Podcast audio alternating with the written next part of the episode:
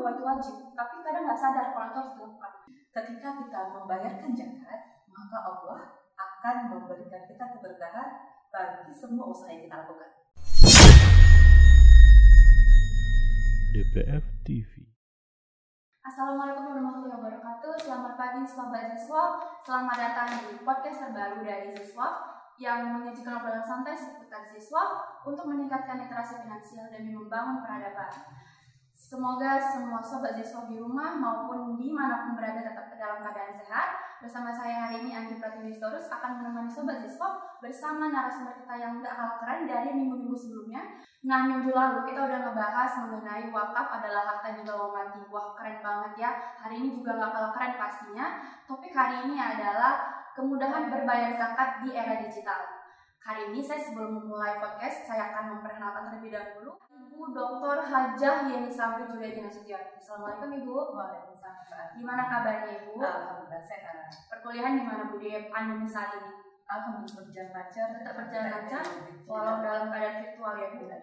Oke, sobat siswa, eh, saya sudah memperkenalkan narasumber hari ini. Kita mulai saja mengenai kemudahan berbayar zakat di era digital. Baik Ibu, ada sedikit ataupun beberapa pertanyaan yang kita bawakan santai saja Bu, karena kita podcast nih. Oke, jadi pertanyaannya yang pertama sekali, menurut pandangan Ibu, kita selaku sebagai dosen di FEBUIN Sumatera Utara, bagaimana sebenarnya pengaruh zakat di zaman sekarang ini di era digital saat ini? Bagaimana pengaruhnya untuk negara? Oke baik, Eh, terima kasih Mbak Anggi.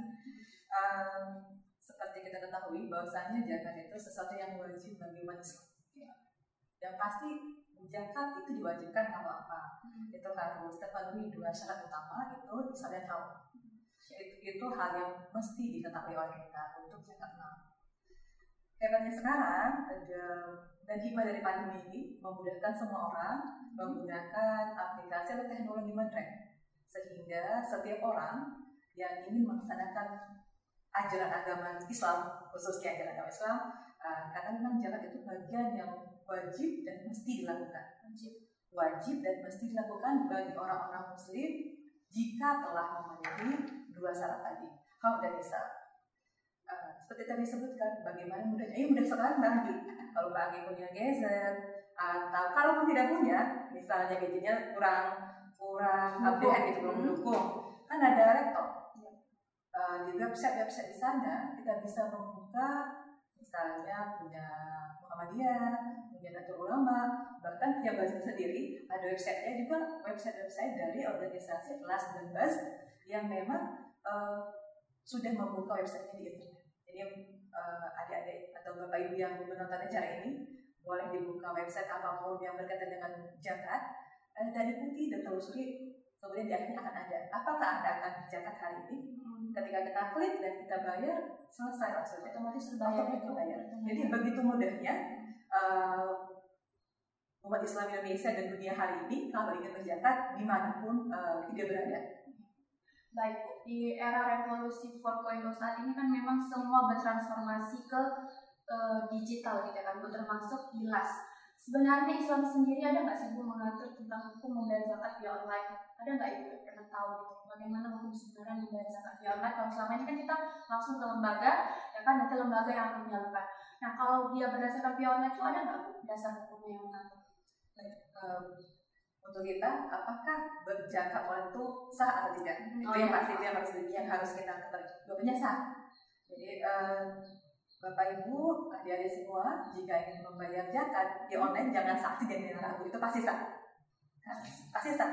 Uh, karena apa? Karena uh, ketika kita melakukan mengganti sesuatu bayar dan kemudian itu masuk ke uh, provider yang menerima maka telah terjadi pembayaran zakat. Yang pasti apa yang kita lakukan itu masih kita pahami dan benar. Itu dia. Kemudian Bapak Ibu dirahmati Allah, apakah semua semua transaksi di dunia online itu benar? Ya, sama seperti dunia perbankan itu ada fatwa yang mengatur eh, semua transaksi dilakukan itu itu sah dan dibenarkan agama. Walaupun mungkin di sebelum pandemi atau sebelum revolusi industri masyarakat masih lebih suka, lebih suka perasaannya lebih enak atau lebih lebih outdoor kalau ketemu dengan eh, dengan amir. sekarang sudah digantikan dengan teknologi yang terbaru itu teknologi digital. Apakah menggunakan uh, handphone Bapak Ibu atau anjungan tunai mandiri atau website-website yang ada. Itu rasa Bapak Ibu. Ya. Baik Bu, berarti sah saja kalau misalnya sobat siswa mau membayar zakat via online ya Bu. Nah, jadi ketika kita misalnya memilih langsung ke lembaga zakat, menurut Ibu, lembaga zakat yang bagaimana yang kita percayakan untuk kita salurkan harta kita agar mereka juga menyalurkan nanti harta yang sudah kita tunaikan tersebut, zakatnya seperti itu. Jadi lembaga seperti apa yang menurut Ibu paling terpercaya? Uh, untuk memilih lembaga apa yang paling terpercaya, uh, kita kita yang ingin membedakan, kita bisa melihat, lihat boleh dilihat websitenya, setahu website websitenya, kan e, semua pengelola zakat di dalam Undang-Undang 23 tahun 2011 aturannya harus mempublish setiap tahunnya bagaimana pengelolaan yang sudah mereka lakukan. Jadi Bapak Ibu silakan buka website dulu, buka website, lihat bagaimana visi misinya, laporan tahunannya. Uh, kita dan percaya kalau kita sudah sudah yakin dan senang dengan laporan mereka, silakan saja. Jadi tidak mesti harus harus dihabisi, tidak. Jadi semua lembaga-lembaga yang bergerak dalam pengorganisasian zakat dan mendistribusikannya ketika website telah memberi laporan tahunan itu sebuah indikasi ya. kalau mereka terpercaya. Yang penting terpercaya ya Bu. Yes. Jadi sobat siswa, bagi sobat siswa di luar sana yang sangat bijak dalam mengelola digital, sebelum kita mau menunaikan zakat kita di lembaga yang terpercaya, kita bisa melihat indikasinya berdasarkan dari laporan tahunan yang sudah mereka publish, yang sudah lembaga zakat publish di masing-masing situs ya Bu. Nah jadi lebih mempermudah kita agar kita bisa menentukan bahwasannya lembaga tersebut benar-benar terpercaya untuk kita pilih. Nah Bu, ada pertanyaan yang juga nggak kalah penting. Menurut Ibu pribadi, mana yang lebih efektif ketika kita membayar zakat langsung kepada mustahik atau kita melalui lembaga? Uh, kalau pertanyaan tadi manakah yang lebih efektif, efektif dan efisien, maka membayar ke lembaga atau langsung ke mustahik uh, pasti lebih efektif ketika kita membayar ke lembaga. Karena apa? Karena memang pengelolaan zakat itu penerimaan, pendistribusian dan pendayagunaan itu akan termanajemen dengan baik, terkelola dengan baik oleh lembaga-lembaga yang ada. Dan lembaga-lembaga yang ada ini akan menyalurkannya berdasarkan undang-undang yang ada 23 nomor 23 tahun 2011 itu dia harus tentang keadilan, pemerataan dan kewilayahan.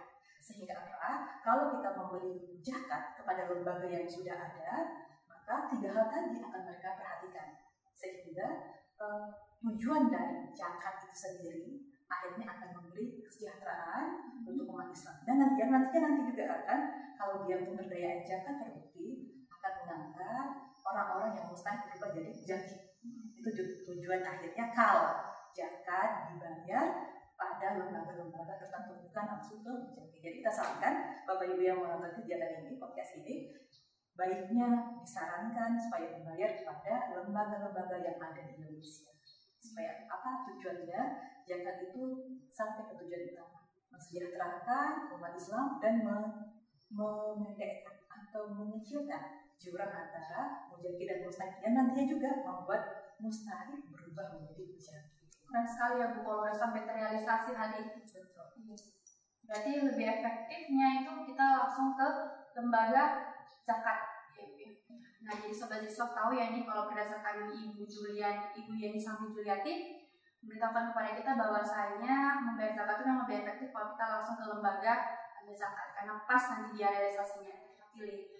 Baik Ibu, ada nggak Ibu pesan yang mau disampaikan kepada sobat siswa untuk perkembangan pembayaran zakat atau dalam ajakan membayar zakat? Karena kan Bu, di zaman sekarang ini itu memang e, dengan perilaku orang-orang yang konsumtif terkadang lupa untuk menunaikan zakat yang tadinya wajib dan harus dilakukan. Terkadang mereka memahami bahwa itu wajib, tapi kadang nggak sadar kalau itu harus dilakukan. Ada nggak Bu kira-kira e, pesan yang akan disampaikan kepada sobat siswa? Silakan. Baik, terima kasih ya sahabat siswa di mana pun kita berada uh, yang pertama itu ya harus kita mesti ingat uh, kembali ke makna zakat. Kalau zakat secara bahasa kan memang dia itu tumbuh dan berkembang. Jadi mesti diyakini ketika kita membayarkan zakat maka Allah akan memberikan kita keberkahan bagi semua usaha yang kita lakukan. Itu harus sebagai sebuah keyakinan. Walaupun tadi yang yang paling dasar kita meyakini bahwasanya zakat ini adalah bagian dari pengislaman. Ya, kalau dalam Islam uh, kalau kita ingin jadi muslim yang baik pasti dong harus dilakukan. Jadi untuk pertama kita yakin juga bahwasanya memang ibadah zakat itu wajib. Kemudian dengan berzakat uh, Allah pasti memberi keberkahan untuk semua usaha kita. Itu yang pertama. Kemudian yang kedua kita juga meyakini sebagai muslim kita juga rahmatan ke alam. Dengan bersedia membayar zakat di via mana pun, terutama via online seperti bahasa kita hari ini, maka kita telah berkontribusi memberi kemaslahatan untuk banyak orang, terutama umat Islam. Sehingga apa? Sehingga tujuan rahmatan lil alamin itu memberi efek pada semua. Kemudian terakhir uh, pesannya, ketika kita memberi zakat, maka akan ada di hati kita ketenangan dan kebahagiaan. Jadi tiga ini sangat penting uh, untuk adik-adik yang Bapak Ibu penonton kegiatan hari ini, podcast hari ini untuk mengingat ini supaya terdorong, terdorong dan bersemangat membayar zakat apalagi di era digital sekarang. Benar, jadi memang yang dituntut adalah ketenangan ya kan. Ketika kita sudah menunaikan, otomatis tenanglah hati kita bahwa keberkahan yang selalu sudah didapatkan.